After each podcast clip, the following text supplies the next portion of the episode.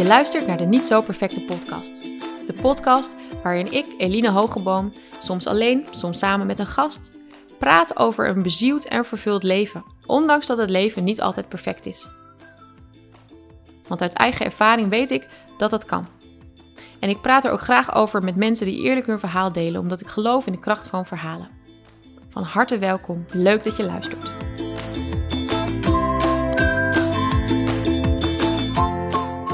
Paul Schendeling, 34, is econoom en schreef samen met Matthias Oldhaar het boek Hoe handel ik eerlijk? Een aantal jaar terug onderzocht hij hoeveel moderne dagloners wij als mensen hier in dienst hebben. Een schokkend aantal dat je eerder in deze podcast voorbij hebt horen komen. Paul voert een hartstochtelijk pleidooi voor een eerlijke en duurzame economie die niet langer op groei gebaseerd is. Want onze overvloed kost mensen aan de andere kant van de wereld hun bestaan. Paul werkt als adviseur bij Berenschot, maar koos er radicaal voor om nog maar drie dagen te werken en te gaan leven van genoeg. Met zijn stichting Genoeg om te leven vormt hij communities om liefde en recht meer te laten stromen in ons leven. Paul is getrouwd met Margje en vader van Daniel. Welkom Paul. Dankjewel. Wat leuk dat jij hier bent. Leuk om hier te zijn. Ja. Hey, ik heb jou wel eh, voorbereid, maar ik weet niet of jij je hebt voorbereid. Omdat ik deze podcast altijd eerst begin met een perfect, imperfect moment. Dus dat is een moment Ja. waarop je ja, een blunder of iets is misgegaan. Of iets waarop je deelt van, nou ja, dit ging net niet helemaal lekker. Heb jij al iets bedacht of kun jij iets bedenken? Ja, ik, ik hoefde niet Ja? zo lang Oh, eh, na te ik ben denken. heel benieuwd, vertel. En het was ook best wel een groot moment. Het was Ja. niet eens een hele kleine blunder of een, Ja. een, een oeps momentje. Mhm. Maar eh, ik heb ongeveer eh, twee jaar geleden besloten om ook echt mijn leven anders te gaan inrichten. Terwijl ik vlak daarvoor allerlei commitments was aangegaan. Mm. En de grote, het grote oepsmoment was dat ik dus eerdere commitments moest stoppen. Omwille van dat wat ik eigenlijk eh, zou moeten en willen doen. Ja. En dat, eh, dat betekende dat ik dus best wel abrupt tegen, eh, nou ja, bijvoorbeeld een promotietraject nee heb gezegd. Halverwege het traject. Dus Ja. dat was echt flink balen. Maar ik zat ook in de kerkenraad. Daar heb ik halverwege, echt voor ik mijn termijn had uitgediend, heb ik moeten zeggen. Nee, sorry. Er komt toch echt iets bovenuit wat ik echt nu moet gaan doen. Het onderwerp is natuurlijk al in de intro voorbij gekomen. Dat was, dat was het moment dat ik echt dacht: ik moet iets doen met mijn talenten om, eh, om te zorgen dat, dat we meer recht doen aan onze medemens en meer Ja. recht doen aan de aarde. Ja, dus dit heeft alles te maken met jouw beslissing om te gaan leven van genoeg eigenlijk, zoals ik in de intro zei. Ja, En, en hoe is dat twee jaar geleden ontstaan? Kun je daar iets over vertellen? ja. We, Ja, zijn meteen, we vallen er meteen mooi in. Het is een mooie intro Ja. zo. Ja, ik wil zo nog wel wat meer horen over, over die beslissingen. Maar ik ja, graag eerst iets over de aanloop. Ja, dus de, de, de aanloop is achteraf gezien was het al best wel lang. Alleen dat, dat heb je dan pas door op het moment dat het steeds sterker in je begint te leven. Maar ik denk eerlijk gezegd dat het al wel eerder is begonnen. Ik denk echt wel vier jaar geleden, in 2018, dat het echt is begonnen. Dus toen kwam een IPCC-rapport uit waarin stond dat we nog eh, tien jaar de tijd hebben. Dus dat is inmiddels minder dan tien jaar. Om echt een, eh, de uitstoot in een stijlpad naar beneden te brengen. Ja. En toen dacht ik, tien jaar, dat is echt ongelooflijk kort. Eh, dus ik weet dat ik daar echt heel erg geschokt van was. Maar het duurde meer dan een jaar voordat ik ook echt het besluit nam. Maar dan moet ik ook echt in mijn leven dingen anders gaan doen. Ehm, ik heb het talent, ik, ben econoom. Ik heb ook echt talent om hiermee aan de slag te gaan. Om hier goede dingen mee te doen. Eh, toen dacht ik, maar dan moet ik daar ook echt ruimte voor scheppen.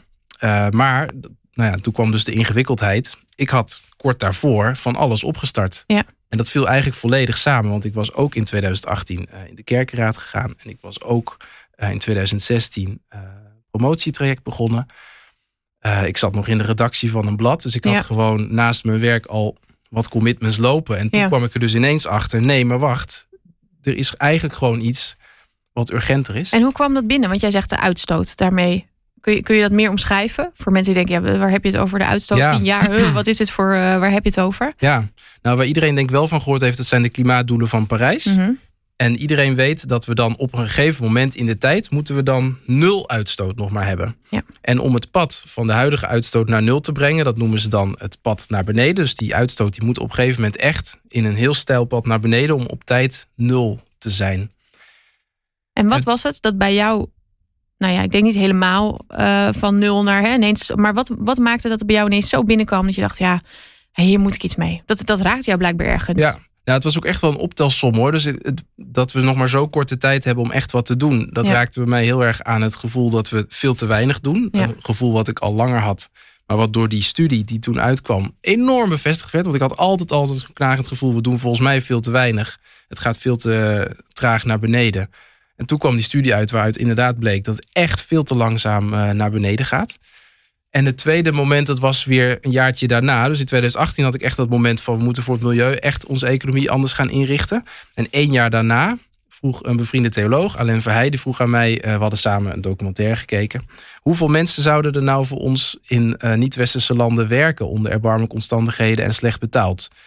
En dat was het moment dat ik uit ging zoeken, hoe zit dat dan eigenlijk? Ja. En toen kwam ik er dus achter dat, behalve dat onze economie heel veel schade aan de natuur aanbrengt, maar dus eigenlijk ook indirect onze medemens, want met name mensen in landen rond de Evenaar, die, die lijden daar ook heel erg onder brengen we ook nog heel veel schade toe aan mensen die werken voor onze producten. En nou, die optelsom van zoveel onrecht, wat eigenlijk ook zo verborgen is, dat we het er niet over hebben, dat we het amper zien, Mhm. dat ook vaak heel ver weg is. Dus zowel de gevolgen van de klimaatcrisis zijn ver weg, maar de gevolgen van mensen die voor ons werken, ja, die mensen wonen ook ver weg. Dus het is Ja. allemaal zo onzichtbaar. Ja, ik heb daar een ik, quote van eh, jou over gelezen. Die, oké. die raakte mij. Die ga ik, dat staat in het blad eh, Moed van Teer. Ehm, het betreft in totaal 10 miljoen mensen die zwaar en monotoon werk verrichten met lange dagen en onder slechte omstandigheden. Dit zijn die mensen die, die ja, voor ons werken, die wij Ja. zogenaamd niet zien. Maar eigenlijk weten we het natuurlijk wel. Ze hebben geen sociaal vangnet en worden zwaar onderbetaald. Het is slaafse arbeid en te- dat allemaal ten dienste van onze consumptie. En. Alain is in deze podcast geweest. En het aantal was volgens mij 1,4 FTE. Hè, wat wij Ja. allemaal hier in dienst hebben aan slaven eigenlijk. Zo kunnen we het wel noemen, toch? Ja, ik noem het al slaafse arbeid. En, en sommige van hen zijn ook echt, dan kun je ook echt spreken van moderne slavernij. Ja, ja. Ja. Ja, als je dat binnen laat komen, dan, eh, ja, ja, als ik het binnen laat komen, dat heb ik al diverse keren gedaan, dan, ehm, dan is dat ook heel gênant. Gewoon dan schaam Ja, je dood Het is eigenlijk. echt schrikbarend. Ja, ja. ja, Het is ook denk ik. g- het heeft alleen maar zo groot kunnen worden doordat het buiten ons zichtveld zich afspeelt. Want Ja. ik merk wel dat overal waar ik het aan mensen vertel, raakt mensen en willen mensen ook echt wel eh, aan de slag om anders te gaan leven. Dus, ik, dus ik merk wel dat zodra het bekender wordt, Ja. eh, mensen er wat mee willen. En dat, dat was dus ook voor mij de hoofdreden om te zeggen: ja, dan moet ik er ook zelf wat mee gaan doen. Want nu Ja. ik die kennis heb, moet je ik kon niet meer doorgaan. Ja. Hey, en ehm, toen ben jij. ehm, toen ben jij eh, vervolgens. eh, je hebt die dingen opgezegd, dus ouderling. En hoe, hoe was dat? Voelde dat als falen? Ja, Ja? jawel. Ja, want ik ben, ik ben heel loyaal. Ja. En dat wil ik ook graag zijn. En ik, ja, ik had natuurlijk eh, twee promotoren eens met wie ik dat promotieonderzoek deed. Waar zou je promotieonderzoek naar gaan doen? Over kwaliteit van leven zou ik dat gaan doen. Ja. En eh, meer aan mijn werk gerelateerd. eh, mijn advieswerk. Mhm. En ik zou, ja, in de kerkraad had ik natuurlijk gewoon beloofd een periode van vier jaar minimaal uit te dienen. En dan Ja. voelt het inderdaad echt alsof je een, een, een grote misser maakt, dat je je niet aan je eigen commitment houdt. Heb je ook vervelende Eh, reacties gehad? Nou, dat, dat viel eigenlijk heel erg mee. Oké. En dat heeft wel mee te maken, ja, dus ik heb gewoon wel aan iedereen verteld wat mijn drijfveer was om deze switch te maken. Ja. En dan, eh, toen hebben mensen ook wel heel begripvol gereageerd van ja, ik snap wel dat dat een heel groot onderwerp is. En ik snap ook waarom het jou persoonlijk zo raakt, omdat, het, ja, omdat je zelf ook mede het hebt blootgelegd, het Ja. hele fenomeen. Ja. Dat je er dan ook wat mee wil gaan Ja, doen. precies. Dus Dat, was eh, begrip. Maar bijvoorbeeld op jouw werk. Ik, ik denk niet, jij werkt bij Berenschot. Ik denk niet dat dat een, een heel erg deeltijd werkomgeving nee, is. helemaal niet. Nee, ik was Dus wat de- vinden ze er daar dan van? Ach ja, nou daar is uiteindelijk ook begrip. Eh, duurt wel wat langer. Het is echt een heel andere wereld. Dus je moet je voorstellen dat inderdaad gewoon eh, vijf dagen de norm is. Eh, vier dagen begint een beetje te komen in, de, in deze sector. En drie dagen, dat kwam gewoon niet voor. Nee. Dus ook bij, eh, bij mijn collega's was ik echt inderdaad een soort eh, pionier. Van, oh ja. De eerste collega die drie Ja. dagen werkt. En blijkt je werk daar te kunnen in drie dagen? Ik bedoel, of, of doe je stiekem nog werk in, wat eigenlijk dan vier dagen moet? Ja, ik heb, Blijkt wel te kunnen. ja, ik heb niks te klagen. Nee, dus, Er zijn er inmiddels meer. Nou ja, dus in, in- inmiddels inderdaad nog Je iemand bent wel een van wie ik het weet. En wie weet eh volgen er meer. Ja. ja. Ja, maar dus echt een radicale keus waarvoor je dus dingen opzij hebt gezet. Omdat je gezegd hebt, ja, ik wil, ehm, ik wil mensen eigenlijk gaan vertellen over, eh, over dat, we niet, dat we niet meer zo door kunnen gaan. Ja. Ehm, waar kunnen we volgens jou niet meer mee doorgaan? Nou, ja, de- hier heb ik heel erg geput uit de Bijbel. Dus ik, wat, eigenlijk het eerste wat ik heb gedaan toen ik die eh, ontdekking deed, was gewoon met mijn beste vriend heel lang over spreken. eh, De ontdekking van het aantal mensen, onder andere. ja, ja. Ja. zeker. Dus maar ik heb ook met, de eh, klimaatdoelen. En, ja, dus met Alain heb ik het heel veel over gehad. En met Matthias heb ik het heel veel over gehad. Ja. Uh, Alain was toen met een eigen boek bezig. En toen heb ik samen met Matthias ook een boek geschreven. Omdat we dachten, nou, dat is toch de meest laagdrempelige manier Hm. om het uh, breder bekend te maken. En we hebben er ook echt voor gekozen dat dat boek door iedereen leesbaar moet zijn. Dus het moest ook heel simpel uitgelegd zijn. Ja. En uh, dat krijg ik ook wel als feedback. Dus het boek is in een weekend uit te lezen. Ja. Ja. hoe handel ik eerlijk? Ja. De meeste mensen hebben het in een weekend uit. Ja. Omdat we eigenlijk aan de hand van één casus, in dit, ja, dat is dus de, de rozenkweek, leggen we eigenlijk uit hoe het in de hele economie wat daar goed zit en wat daar scheef gaat. Ja. En uh, toen naar aanleiding van het boek is er heel veel uit voortgekomen. En zijn we inderdaad allerlei activiteiten gaan doen om die bewustwording nog verder te, uh, Ja. te vergroten eigenlijk. Ja. Ja. En die- wat, ik, wat ik zo mooi vind, ik ga even kijken. Ehm, in jullie visie heb je gezegd, daar staat de stroom van levend water centraal. Deze stroom is en hemels en aards. De stroom ontspringt uit de liefdevolle en rechtvaardige woorden van God. Dat is de hemelse oorsprong. Maar God wil deze beek op aarde laten stromen, zodat ze overal leven kan geven. Maar dan moeten de hemelse woorden wel door de hart van mensen stromen en in de praktijk gebracht worden. Als dit niet zo is, dan ontstaat er op de ene plek droogte en op de andere plek een stortvloed. En dit laatste is helaas precies wat er op wereldschaal gebeurt. Ja, of er ontstaat een letterlijke stortvloed, zoals we in Pakistan uh, Ja. momenteel zien. Hè, dat, dat, ja, ik vind dat zelf best wel soms ehm, lastig. Jij zegt, eh, hè, we hebben het vaak nog niet door dat, dat bijvoorbeeld die mensen voor ons aan het werk zijn. Ehm, nou, ik ben daar al langer wel bewust van. Hè, dat is de reden waarom ik bijvoorbeeld geen nieuwe kleding meer koop. Ehm, maar zo'n Pakistan, eh, dat is iets wat bij mij echt pas, nou, nog helemaal niet zo lang onder de aandacht is. Dat is helemaal niet heel erg nieuws. Dat staat helemaal niet op voorpagina's.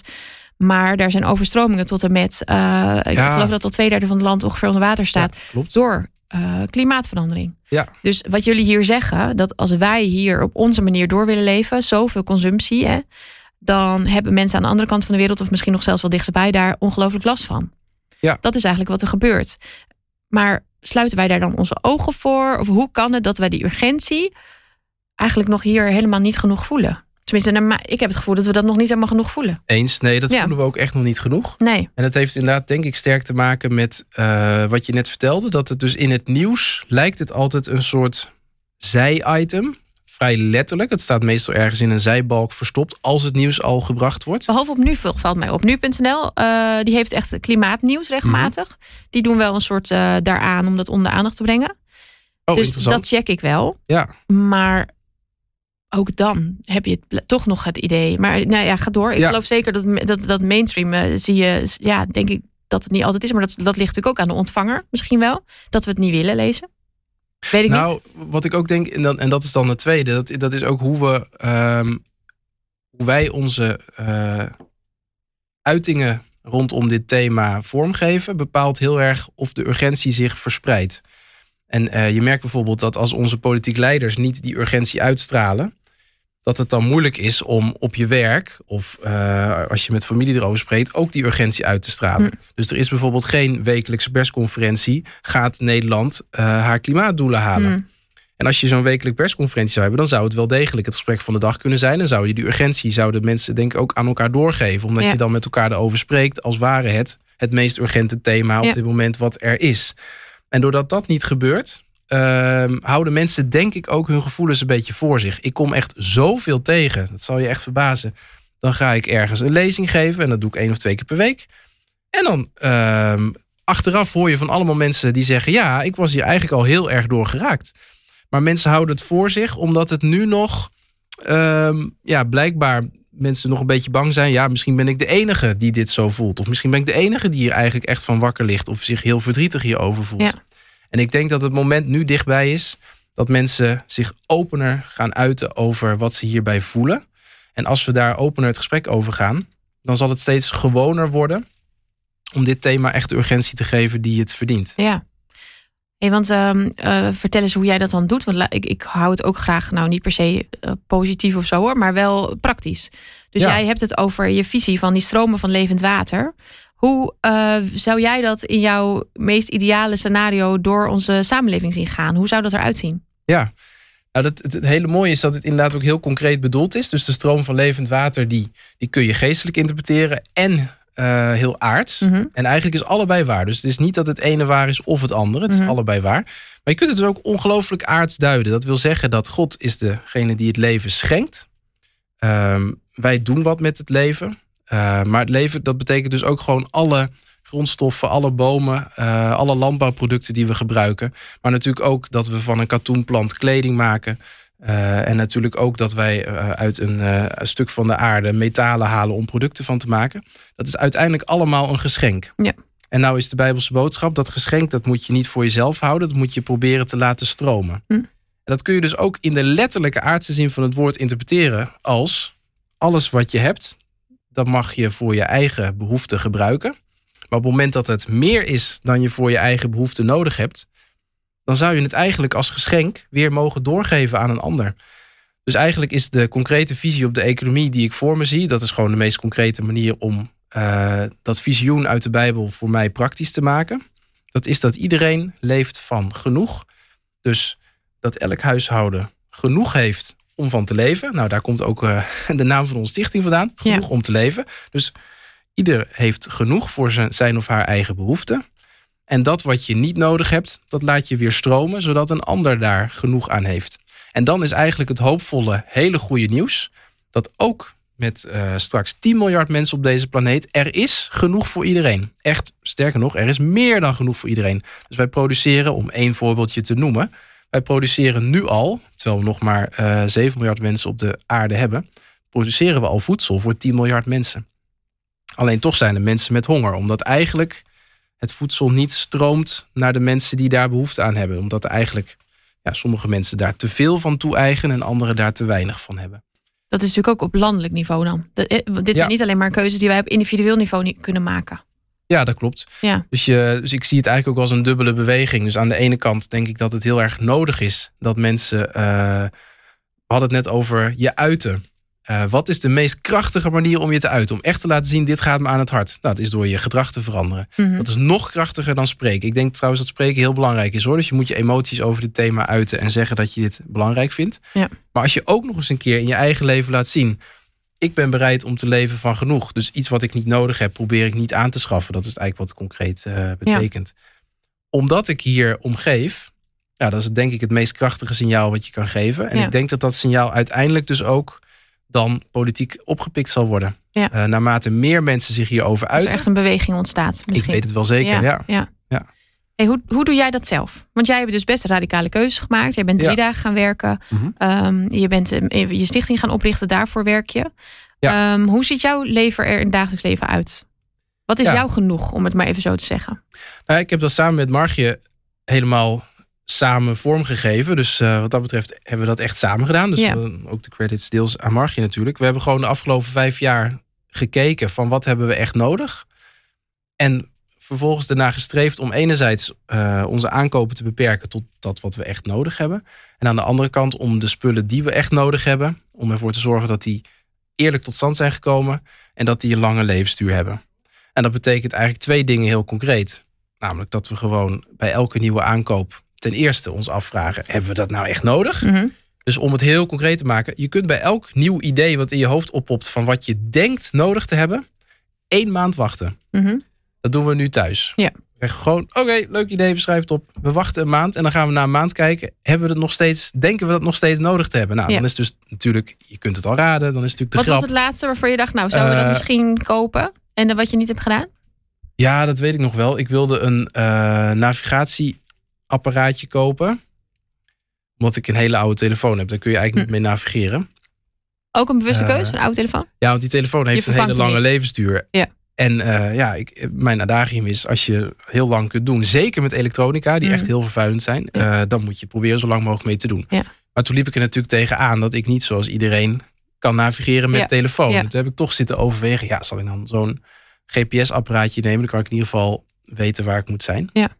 Daar heb ik ook gewoon een maand mee gewacht en toen gedacht, nou, weet je, ik kan ook gewoon eh, vlak voor dat ik de trein uitstap, nog even goed naar die kaart kijken. En op geheugen kom je ook een heel eind. Ja? Dus hoe ben jij hierheen gefietst? Ook gewoon door vlak voor Ja? vertrek eh, naar de kaart te kijken. En dan het ankerpunt te nemen wat je nog wel weet. Ja? En daar vanaf dat punt eh, te onthouden hoe je, hoe je moet gaan. Bent je gewoon. Ja hoor, dus het blijkt uiteindelijk heel erg mee te dus vallen. wel, ja. dus, Dus die werd het niet. dus die werd het dan niet. En wat werd het recent En wel? soms werd het recent wel, bijvoorbeeld. Nou, toen eh, we hadden een oven die was stuk, dus een combi-oven. En de magnetronfunctie deed wel en de ovenfunctie niet. Nou, toen na een maand hadden we het er samen thuis nog een keer over. En toen kwamen we toch wel achter, ja, we zijn er allebei wel echt heel erg te balen van dat we nooit Hmm. eh, lasagne kunnen maken. Ja. Of we, nou, dus we kopen wel Ja. een nieuwe oven. En die heb je ook nieuw dan gekocht. En die kopen we dan nieuw. Ja. En dan proberen we uit te zoeken, ja, wat ja, kunnen we dan erachter komen welke een lange levensduur heeft? Want dan eh, is, is eigenlijk onze. Oh ja, dat is dan een mooi brugje naar het tweede ding. Dus Mhm. het eerste wat we afvragen bij elke aankoop is: is het nou echt nodig? Ja. Nou, dan wacht je gewoon een maand. En het tweede wat we ons afvragen is: als je het dan echt nodig hebt, kunnen we dan iets nemen wat eh, duurzaam gemaakt is, eerlijk tot stand gekomen is en een lange levensduur heeft? En soms kun je daar heel makkelijk achter komen. En soms zoek je je helemaal suf. Ja, met producten, elektronische producten is het vaak best ingewikkeld, is mijn ervaring. Ja, dat is ook, dat is ook heel ingewikkeld. Eh, en daarom zijn we met onze stichting, behalve dat we met communities bezig zijn, zijn we ook bezig met een apart programma waarin we dus productieketens willen gaan onderzoeken. En voor consumenten inzichtelijk willen maken. Wat is nou van de hele lijst met fabrikanten die dit product maken, het product met, eh, die, dat eerlijk tot stand gekomen is en een lange levensduur Ja. heeft. Ja, dus dat, dat gaan jullie echt in beeld brengen. Ja, daar Oh, zijn we nu mee zijn. bezig. Ja. En het is, en ik kan wel een voorbeeld noemen waar het wel en niet lukt. Ja, Ehm, even denken. Nou, bijvoorbeeld bij eh, schoenen en dergelijke of kleding. Dan kom je er soms best wel achter. hey, dit heeft een hele lange levensduur. Er zijn soms zelfs fabrikanten die daarmee adverteren. Van eh, eh, bijvoorbeeld, eh, ik had laatst een overhemd. En dan hadden ze dan de kraag en de mouwen van wat dikker materiaal gemaakt. Want dat is altijd het eerste wat slijt aan een overhemd. hey, nou, die hebben dus echt aandacht besteed aan een lange levensduur. En het was toevallig ook nog een fabrikant die nadacht over eerlijke arbeidsomstandigheden. Maar bijvoorbeeld bij die oven, nou ja, daar hebben we helemaal zitten zoeken. Mm. Maar dat was uiteindelijk niet een fabrikant die echt heel duidelijk kon aangeven: eh, wij gaan voor een lange levensduur. nee, Dus daar kom je er dan niet achter. nee. En dat is dat trouwens precies zo'n voorbeeld waar we dus dat nieuwe programma voor zijn gestart. Ja, Dat we dan dus zelf dat willen gaan onderzoeken. ja precies. Dat gaan we doen in samenwerking met een Britse organisatie die het al 30 jaar doen. Daar hebben we dan een partnerschap mee gesloten dat we gebruik kunnen maken van hun kennis. En dat gaan we dan aanvullen voor, voor Wat Nederland. gaaf. Ja. Ja. Hey, en jij bent, hebt er denk ik ook, want ik, ik denk niet dat jij van jouw stichting ook kan leven of dat je daar inkomsten Nee. al heel erg uit hebt. Dus jij hebt er ook Ja. voor gekozen om van minder salaris eh, het te doen. Ja. Eigenlijk. Ja, dat, nee, dat is wel grappig Is dat dat, ook je een dat zegt keus? eigenlijk. Nou, dat was eigenlijk de stap die daarna pas kwam. Want we gingen dus eigenlijk al vijf jaar geleden waren we al bezig met... nou, laten we gewoon proberen te leven van genoeg.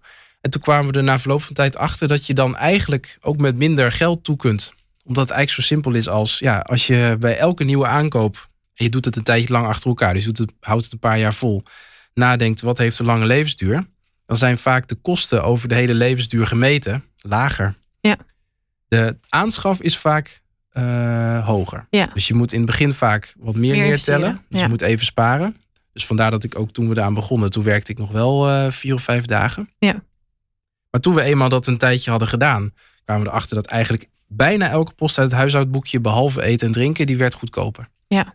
En toen ontstond er dus ook eh, nou, letterlijk overvloed in financiële zin. En toen heb ik ook de besluit kunnen Ja. nemen. Oh, maar dan kunnen Dan we dus eigenlijk met drie dagen kunnen we ook wel toe. En eh, in, in spullen voor je, voor je kind bijvoorbeeld. Ja, jouw zoontje Daniel is Ja. drie. Ja. Hoe maak je daar keuzes in? Want daar kun je natuurlijk ook eindeloos eh, spullen voor gaan klaarzetten als er zo'n baby aankomt. Ja, zeker. Ja. En, en daar heb Word je dan, ook een soort eh, verteld, hè? Dat, dat, dat- van oh, je hebt echt dit Ja. nodig en dat. En je hebt 30 eh hydrofiele doeken nodig. En, eh, Ja. ja. Nou, en daar wringt het soms meer in eh, sociaal opzicht, merk ik. Dat je, eh, om één concreet voorbeeld te noemen. eh, we, we hadden ook gewoon toen ons zoontje werd geboren, hadden we ook bedacht, ja, we doen alles op de fiets en met de trein. Hm. Nou, dat betekent dus dat je. Je hebt dan, geen auto? nee, we hebben Nee. geen auto. Dus dat betekent dat je dan met zo'n klein mannetje door weer en wind altijd maar door de stad rijdt op je fietsje. Ja, moeten we nou een huifje op die bakfiets doen of niet? Ja. En toen hebben we ook gewoon gedacht, ja, we gaan gewoon eerst kijken, hoe reageert Daniel er eigenlijk op? Mhm. Laten we nou eerst gewoon eens kijken, hoe reageert een kind op regen? Ja. Nou, en dan blijkt dus dat een kind dat eh, ongelooflijk leuk vindt. En dat Ja? eh, wij hebben een hele negatieve associatie met regen. Oh, bé, dan worden we nat. Maar Mhm. als je dat gewoon als ouder niet uit en je gaat eerst kijken, wat vindt mijn kind zelf? Ja. En helemaal vanaf begin af aan dus misschien wel gewend raakt. En uiteraard doe je hem een goede jas aan, Mm, enzovoorts, enzovoorts. Alleen zo'n huifje bleek eigenlijk, niet nodig. vind dus. ik zelf, niet nodig. Nee. Tot nu toe, niet. hij is nu drie, dus nu, tot nu toe nog niet Tot nu eh, toe nodig. heeft hij daar niet eh, eh, Nee. over geklaagd. Nee. En dat zou kunnen. Kijk, stel dat er nog een kind geboren wordt. Dan ga je ook weer kijken naar het kind zelf, stel ik me zo voor. En dan Ja. zullen mevrouw en ik toch weer gaan, gaan kijken. Ja, misschien vindt dit nodig? kind het wel echt heel naar om in de regen te zitten. En Ja. dan doen we misschien alsnog. En denk je überhaupt ook in dit opzicht na over het krijgen van kinderen? Of het uh, in relatie tot milieu Ja. en uh, nee. Daar wordt natuurlijk ook uh, over gezegd, ja, die overbevolking en elke kind is er weer een voetstap bij. En heb jij dat niet? Nee, denk je daar niet zo na? Nee, vind na? ik ook een hele gevaarlijke manier van denken. Ik Ja? denk ook echt dat we hier als christenen bewust anders moeten denken dan niet-christenen. Ik vind toch dat niet-christenen vrij oneerbiedig spreken over het geschenk van het leven. Um, want we hadden het net over, wat is mijn primaire drijfveer om te leven van genoeg, zodat ik het leven kan doorgeven. Nou, dan zou het toch ontzettend gek zijn dat ik dan zelf zou besluiten, ja, maar dan, dan willen we geen kinderen ontvangen. Nee, dan ontvang je ook leven. Ja. En dan moet je vervolgens natuurlijk aan je kinderen zelf leren dat zij ook weer leven van genoeg. Uh, dus dus zo, zo, zolang je blijft redeneren vanuit God als de schenker en de gever van het leven, vind ik niet dat je het geschenk van het leven moet weigeren, Mm -hmm. omdat je grote milieuvoetafdruk hebt. Nee, dan vind ik dat je het leven moet doorgeven. Dus neem dan de juiste consequentie daaruit. Om dat voor het volgende leven weer ook eigenlijk mogelijk te maken, de toekomst mogelijk Ja, te maken. Ja, Inderdaad.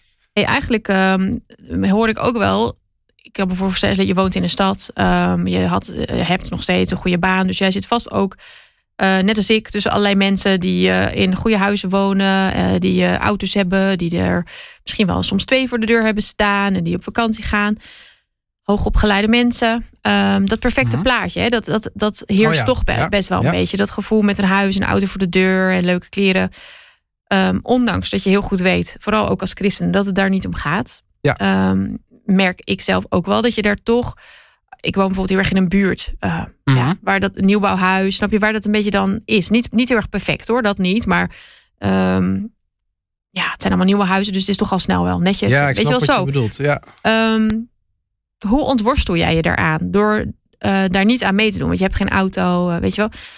Um, of heb je er überhaupt niet zo last van? Van zo'n perfect plaatje dat je gevoel hebt dat, dat, er, dat er moet zijn? Of heb je daarvan moeten ontdoen? Oh nee, dat vind ik nog steeds heel ingewikkeld. Nee, daar Oh, ja? ik heel eerlijk over zijn. Dat, Ja? dat is echt, ik denk, bijna nog ingewikkelder dan gaan leven van genoeg. Is omgaan met de reacties van anderen. Ja? Die, nou ja, Dat je niet voldoet wel aan, begripvol daaraan. reageren, maar dan toch merk je dat de sociale conventies anders zijn. Dus misschien om toch weer dat voorbeeld op te pakken van dat huifje. Ondanks dat we dan gewoon zelf naar ons kind hebben gekeken en denken, nou, volgens mij heeft hij er echt geen last van dat hij uh, gewoon Mhm. lekker nat wordt op de fiets. Uh, merk je dan toch dat als je ergens aankomt en je komt met een, een jongetje met een regenbroek en een capuchon en hij is helemaal drijfnat. Ja, niet van binnen trouwens, want die, die jas is prima. Maar dan merk je toch dat mensen even zo kijken doe je dat je kind aan? Dat die, die arme jongen en helemaal Ja. in de regen en zo enzovoort. Die sociale conventie, het is heel moeilijk om je daarvan helemaal Dan niks voel je aan je te toch trekken. een beetje schuldig? Of dan denk je toch, oh ja, oh. Ja, dan Zo? denk je inderdaad toch van, oh oeps, zijn we doorgeschoten. Je gaat, Ja. je gaat inderdaad best snel aan, aan jezelf twijfelen. En dan moet je, ja, ook daarvoor moet je dan denk ik tijd nemen. Dus niet daarna heel snel in je emotie dan denken... nee, en nu ga ik ook meteen wel het Mhm. huifje aanschaffen. Ook dan gewoon even, even rustig, toch nog eens even samen erover hebben. Nog even nuchter naar kijken en dan toch weer concluderen... nee, eh, dat is een gevoel, dat wordt je opgedrongen. Maar als je er gewoon echt naar gaat kijken... eh, vanuit wat heb je nou echt nodig... is Ja. het gewoon niet, eh, niet nodig. Maar het is denk ik wel, wat jij, hè, jij en Margie doen dat wel heel erg samen. Ik denk dat dat wel een belangrijke voorwaarde Ja, misschien ja, is om dit te kunnen doen. Ja. Dat je er samen heel erg van overtuigd bent. En er zijn misschien ook wel mensen die in een huwelijk zitten of een relatie... waar de ene wel van overtuigd is en de ander misschien niet. Ja, het, begint allemaal met heel veel praten. En je moet ook echt de tijd ervoor nemen. Ja. Want soms, het klinkt soms, maar gelukkig hebben wij hier de tijd bij dit interview. Mhm. Maar soms heb ik van die hele korte interviewtjes en dan gaat het over leven van genoeg. En dan lijkt het voor mensen net alsof ik dat eh, met Margie dan in heel korte tijd heb gefixt. Ja. Maar het is helemaal niet zo. Dus we hebben er vijf jaar over gedaan. Ja. En we hebben heel veel gepraat. En nog steeds is het gewoon best wel vaak tijdens het eten een gespreksonderwerp van hey, wat, is momenteel Ja. jullie grote discussiepunt een discussiepunt. Ja? hierover? Eh, nou, die hebben we toevallig heb ik net eh, ben ik gezwicht. Ja, mijn tas was redelijk versleten. Eh, en Margie vond dat ik echt een nieuwe nodig had. En toen hebben we het er lang over gehad. En nu En denk vond ze dat uit praktisch oogpunt of uit mooi oogpunt? allebei. Je liep er een beetje als sloeber bij. Ik nou, die, niet die meer. tas is gewoon inderdaad echt, eh, echt versleten. Ja. ja. En toen, en, en, en, en ik zit dan toch een tijdje van ja, maar ja, hij functioneert nog wel en, Ja. enzovoort. Maar inderdaad, dat is gewoon niet Nee, echt dus ze geeft hem dan niet stiekem voor je verjaardag of uit. Oh, nee, maar, ja, maar daar heeft ze dan al genoeg andere dingen Ja, voor eh, bedacht hoor. Ja, Maar dus, Ja. dus dat is inderdaad een heel concreet voorbeeld waar je echt ook gewoon weer het gesprek over gaande moet houden. En dan is het ook een kwestie van, uh, zolang je daar voldoende tijd in investeert om het daarover te hebben, kom je er altijd uit. Ja. Uh, het is dus wel, het is een heel erg bewust leven. Nou kan ik me voorstellen, dat is wel eens wat ik een beetje zo, wat de tendens wel is. Um, als ik hier met mensen in mijn omgeving over praat, dan hoor ik vaak één, uh, ja, daar moet de politiek of daar moet landelijk iets aan gebeuren of wereldwijd. Hè, daar heeft mhm. mijn druppel op gloeiende plaat geen invloed op. Of ik hoor, um, ja, nou ja, al die, die kleine dingen die ik dan doe, weet je, dat draagt niet bij. Of mensen die het toch niet echt geloven dat het echt zo erg is. Um, En ook denk ik, nummer vier, is dat er dan ook vaak een beetje gezegd wordt: ja, maar dan kom je in zo'n. Uh, moet je dan alles af gaan wegen en meten. En dat het een soort wetticisme wordt. Een mhm. soort angst daarvoor. Ik denk dat, dat dat hoor ik ook wel terug. Dat mensen daar dan bang voor zijn. Ik las ook ergens wel op jouw website. Hè, jullie werken met communities. Dus je kunt bijvoorbeeld ook als kerk een groep vormen. waarin je dit soort dingen gaat bespreken. Waarin je echt actief aan de slag gaat. Ja, zeker. Heel mooi. Um, en, eh, maar dan stond er wel, en dat, dat triggert mij dan ook wel. Van dan kun je bijvoorbeeld weer bij elkaar komen. En heb je het over van: hé, hey, wat heb je bijvoorbeeld afgelopen maand bereikt? Ik kan me goed voorstellen dat mensen daarvan denken. Oh ja, dus dan moet ik uh, nog meer. Misschien dat gevoel. Ja. Voelt het voor jou niet zo? Voelt het niet als moeten? Uh, niet meer. Nee. Dus dat is wel uh, de nuance die erin zit. Uh, er zijn inderdaad verschillende redenen om je af te vragen: moet je hier aan beginnen? Dus je noemt een aantal redenen daarvan. we kunnen inderdaad wel bij die laatste beginnen. Mm -hmm. Ja, ik denk dus zelf, dat, maar dat is dus uit ervaring. Dus dat wist ik van tevoren ook niet. Hè? Dus je gaat een avontuur aan en je kijkt van wat gebeurt er precies.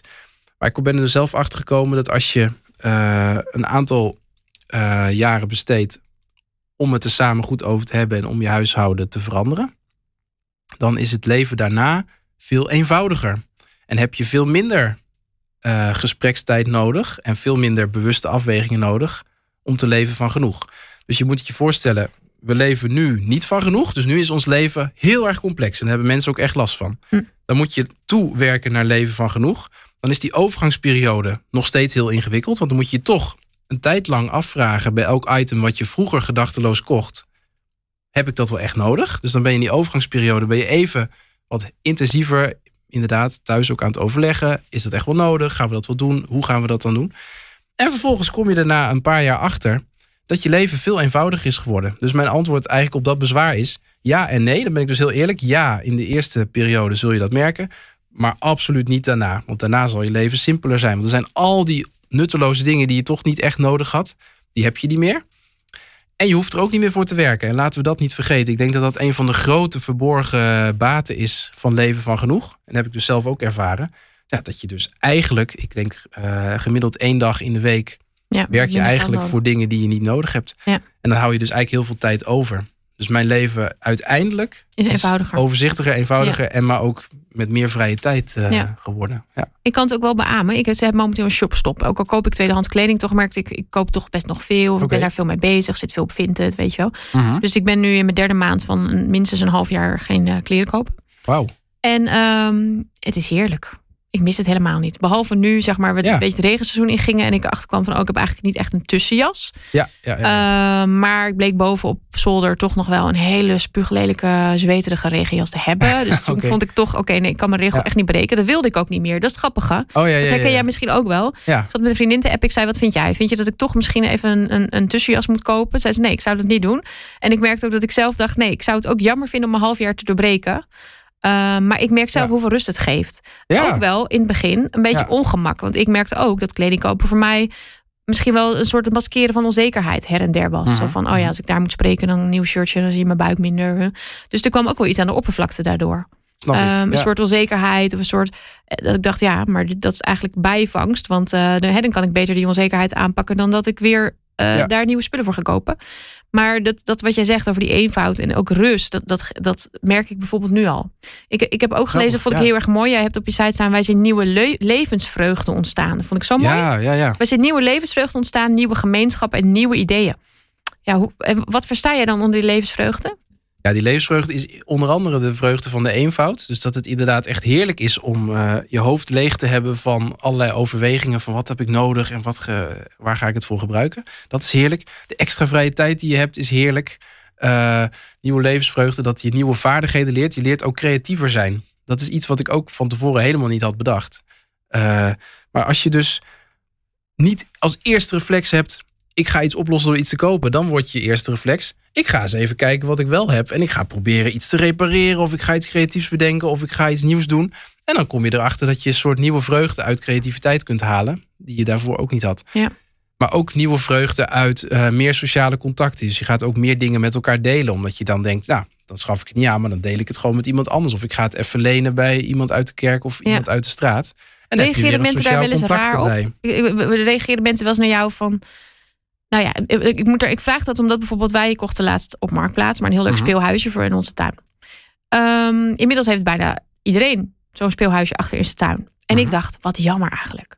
We zouden toch gewoon onze schuttingen weg moeten halen en moeten zeggen: luister, wij hebben een speelhuisje, kom lekker bij ons spelen. Jullie hebben een schommel, we doen dat bij jullie. maar nee, iedereen, doet het, in, iedereen doet het in zijn eigen achtertuin. Superleuk. En dat vind ik eigenlijk heel jammer. Ja. Maar ik, ik durf dat niet heel goed voor te stellen. Ja, maar dat, dat is Omdat ik denk dat mensen denken: ja, nou nee hoor, wij willen het lekker zelf. Ja, weet ik veel. Dat je doet wel aannames natuurlijk. het is wel grappig, je had het net over onzekerheid. Nou, die had ik dus zelf ook. Bijvoorbeeld eh, als mijn zoontje ergens nat geregend aankomt, dan voel je die onzekerheid van oeh, en dan doe ik het nou goed. En wat vinden andere mensen? En wat je dan ontwikkelt is een vaardigheid om het gesprek erover aan te gaan. Die vaardigheid had ik eerst echt niet trouwens. Dus dan probeerde ik meestal zo'n onderwerp een beetje te vermijden. Zo van nou, laten we maar over iets anders hebben. ja? In ieder geval niet daarover te hebben. En Wat vond je dan te spannend? Of... Ja, want dan denk je toch van... Omdat je inderdaad als eerste aanname hebt die meestal niet klopt trouwens. Dat hm. mensen daar wat van vinden. Of dat ze daar geen begrip voor hebben. Blijkt dat mensen als je ze erover vertelt wel begrip voor hebben. Ja. En dat is eigenlijk met dingen lenen idem. Uh, of uh, we hebben geen auto, dus ik ga heel regelmatig vraag ik even iemand haal me even van het station. Ja. Nou, echt. En mensen vinden dat nog leuk ook, want je hebt ook nog even een praatje onderweg. Ja. Dus ja. dan eigenlijk je verwachting klopt de 9 van de 10 keer niet. Dus je verwachting is, oh, en dan, ja, dat is dan voor mensen een belasting of zo. Dat vinden mensen lastig. En de realiteit is 9 van de 10 keer, oh, dat vinden mensen leuk, want ze hebben even een praatje en ja. je hebt meer contact. Ja. Want dat is denk ik de grote winst. En dat is ook weer zo'n nieuwe levensvreugde. Het levert veel meer contact op. Dus je moet je inderdaad ook voorstellen dat jouw voorbeeld is eigenlijk heel geschikt. Iedereen eigen trampoline. Mm. Dan heb je nul contact. En inderdaad één trampoline of je doet het allemaal samen. Dan heb je in één keer veel meer contact. En dat, dat geldt en voor je kinderen en voor, je, voor, je als, voor jezelf als ouder. Ja, absoluut. Ja. dus dat is gewoon superleuk aan uh, het over een andere boeg gooien. Ja. En hoe, hoe uh, verhoudt zich dit tot jouw, uh, jouw geloof? Hoe, hoe zie jij dit? Want mhm. de, dus, nou ja, ik noemde net al wat argumenten, maar er, er, zijn ook echt wel mensen die dan zeggen: ja, we mogen gewoon leven in vrijheid en hè, we hoeven er allemaal niet op te letten, want er komt toch een nieuwe wereld. Hoe, hoe zie jij dat? Hoe, hoe zie jij Jezus in dit verhaal? Ja, nou, het is wel echt een primaire drijfveer om hiermee aan de slag te gaan, is dat ik het echt uit, uh, met name uit Jezaja heb geput. Dat heeft me enorm geraakt. Dus dat, was volgens mij, ja, toeval of niet, dat weet je dan niet, maar in ieder geval in die periode dat ik heel erg aan het worstelen was, wat moet ik nou, hoe moet ik mijn leven inrichten, was ik heel veel bezig in Jezaja. En toen heeft me dus heel erg geraakt dat het daar echt gaat over die stroom van uh, levend water, die weer verder moet stromen. Dus uh, nou ja, Jezaja 55 is daar een heel prachtig voorbeeld van. Uh, dat raakt ook rechtstreeks aan het leven van Jezus. Dus Jezus heeft zelf op de Tempelberg gezegd, wie in mij gelooft, stromen van levend water zullen door zijn binnenste, zijn of haar binnenste vloeien. En daarmee raakt het dus echt aan de kern van ons geloof. Het is dus geen uh, bijzaak, maar echt een hoofdzaak van het geloof. En ik kan me heel goed voorstellen dat het voor mensen wennen is, omdat het denk ik in veel traditionele kerken de hoofdzaak van het geloof anders wordt omschreven. Maar als je het eenmaal gaat zien als hoofdzaak, ja, dan, dan, uh, dan moet je ook qua gedrag wat mee. Daar ben ik wel achter gekomen. Het is in feite hebben we denk ik ook wel de Bijbel te geestelijk gelezen op heel veel plekken. En hebben we ons niet gerealiseerd dat als Jezaja het heeft over bijvoorbeeld water, dat het dan ook over aardswater gaat. Of als Jezaja schrijft over uh, iedereen één huis en één veld, dat hij dat dan niet alleen maar als geestelijke metafoor bedoelt, maar ook echt letterlijk bedoelde dat hij om zich heen zag gebeuren dat het ene huishouden zich het huis en het veld van een ander huishouden toe-eigende. En wat in feite precies is wat we nu doen. Dus we eigenen ons nu de arbeid van anderen toe. En we eigenen ons de natuur op andere plekken toe. Omdat we die natuur vernietigen door, de, door klimaatverandering. Met andere woorden, dat staat zo centraal. Dat je daar ja, echt een hoofdzaak van moet maken, denk ik. Ja. Dat had Jezus ook gedaan als hij nu nog op aarde loopt, denk jij? Ja, ik denk dat inderdaad als je gewoon uh, ook durft te kijken naar de hele aardse aspecten van zijn bestaan. Ja. Dat het dan onmiskenbaar is dat je dat ziet. Ja. waar, waarmee ik absoluut niet gezegd wil hebben dat we die geestelijke aspecten niet moeten zien. Maar ik zou mensen wel eens willen uitdagen. Kijk eens naar die hele aardse aspecten. Ja. Uh, dat Jezus zijn discipelen erop uitstuurt zonder uh, een geldbuideltje. Zodat ze eigenlijk dus ook, net zoals ik nu gedwongen word, de samenwerking met anderen te zoeken en mensen te vragen wat ik nodig heb. Ja, zo moesten zijn discipelen ook op pad gaan. In de uh, wetenschap dat ze aan een ander zouden moeten vragen wat ze nodig hebben. Hm. En dat raakt natuurlijk heel erg aan jouw podcast. Hm. Dat gaat over kwetsbaarheid. En dat gaat dus ook over durven vragen wat je nodig hebt. Nou, dat is een van de ingewikkeldste dingen van leven van genoeg. Is dat je dus ineens niet meer op je geld kunt vertrouwen. Ik koop mijn oplossing wel, maar Ja. je moet in één keer op mensen gaan vertrouwen. En volgens mij is dat de hele aardse implicatie van hoe Jezus leefde. Namelijk, voor alles wat hij deed, moest hij aan een ander vragen: Mag ik in je huis slapen? Mag ik wat eten van je? Eh, hoeveel broden en vissen zijn hier? Eh, ja, hij kan leeft ik een nachtje bij jou op leven? de Ja. gastvrijheid van anderen. Ja, dus dat, is waar. Dus dat is een totaal, de- dat is de aardse kant van vertrouwen, Ja. zou je kunnen zeggen. Ja. En ook ergens weer dat samen, wat jij ook wel zegt, dat brengt het jou ook al. Daar leefde Jezus natuurlijk enorm van. Hij leefde veel meer in huizen van vrienden. Of ook wel van mensen die hij eigenlijk helemaal verjaardag vond. Of, ja. Ja. ja, wel mooi dat je dat zo zegt, ja. En ook van dat stromen. Hè? Dus als je twee kledingstukken hebt, nou, laat er dan één weer doorstromen naar een ander. En kun jij, eh, ik noemde dat net al een beetje, van, van ehm, ook al probeer je heel erg bewust te zijn van ja, ik heb genoeg en eh, dit kan minder en dat kan minder.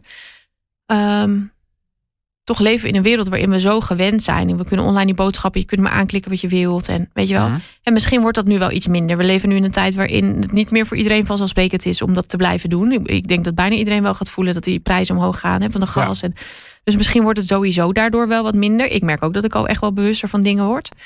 Ehm, maar toch leven we wel in een, in een maatschappij waarin nog steeds die overvloed heel normaal is. En waarin Ja. dat ook wel bijna gepredikt wordt. Dus je op Insta Ja, zit, dan gaat het de hele tijd over overvloed. Je mag overvloed hebben, bla bla. Ehm, hoe begin je? Hoe begin je met het niet meer normaal te vinden van dingen? Dus hoe begin je? Jij zegt het net over je telefoon. Ik heb tot mijn grote schaamte vorige week kreeg ik een nieuw abonnement en stond ja, je kunt ook verlengen met, met telefoon. Ehm, heb ik gedaan. Mhm. Ik dacht ja, ik moet echt toch een betere camera hebben, want het is voor mijn werk belangrijk. Nou ja, ik heb allemaal redenen. Toch heel gemakkelijk, want het wordt je heel gemakkelijk gemaakt, hè? Gewoon klik, Ja. klik en hij is er. Ja.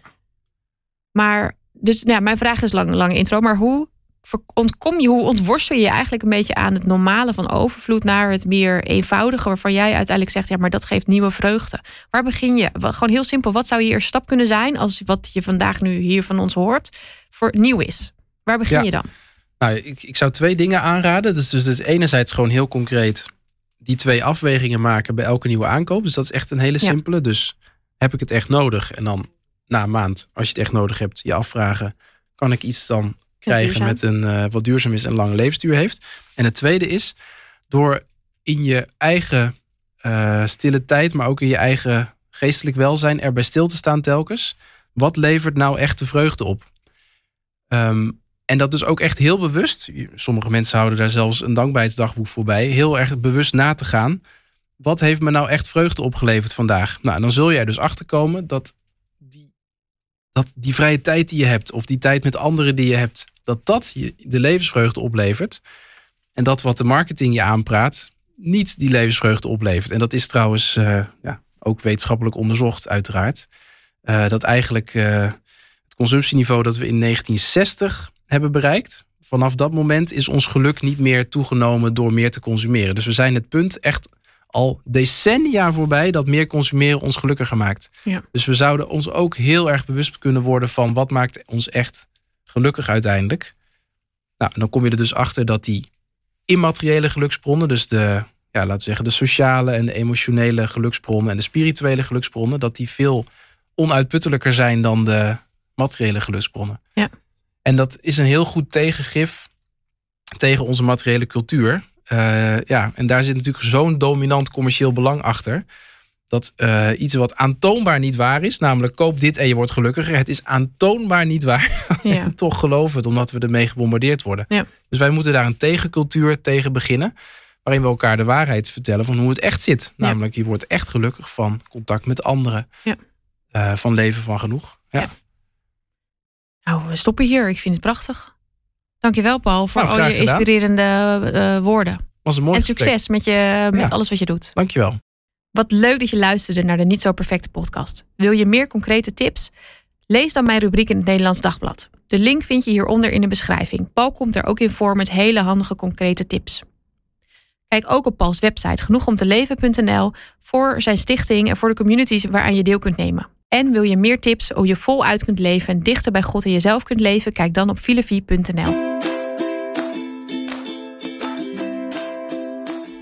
Wat onwijs leuk dat jij hebt geluisterd naar de Niet Zo Perfecte podcast. Ik hoop dat deze podcast je weer even een andere blik heeft gegeven op je imperfecties en je falen. Maar dat het je ook heeft geïnspireerd om te genieten van het leven. Misschien wil je wel verder lezen? Dan kun je bijvoorbeeld mijn boeken Not So Perfect of Filosofie lezen die ik heb geschreven over deze lessen. En wil je nog een slagje dieper gaan? Overweeg dan eens de Filosofie Academy.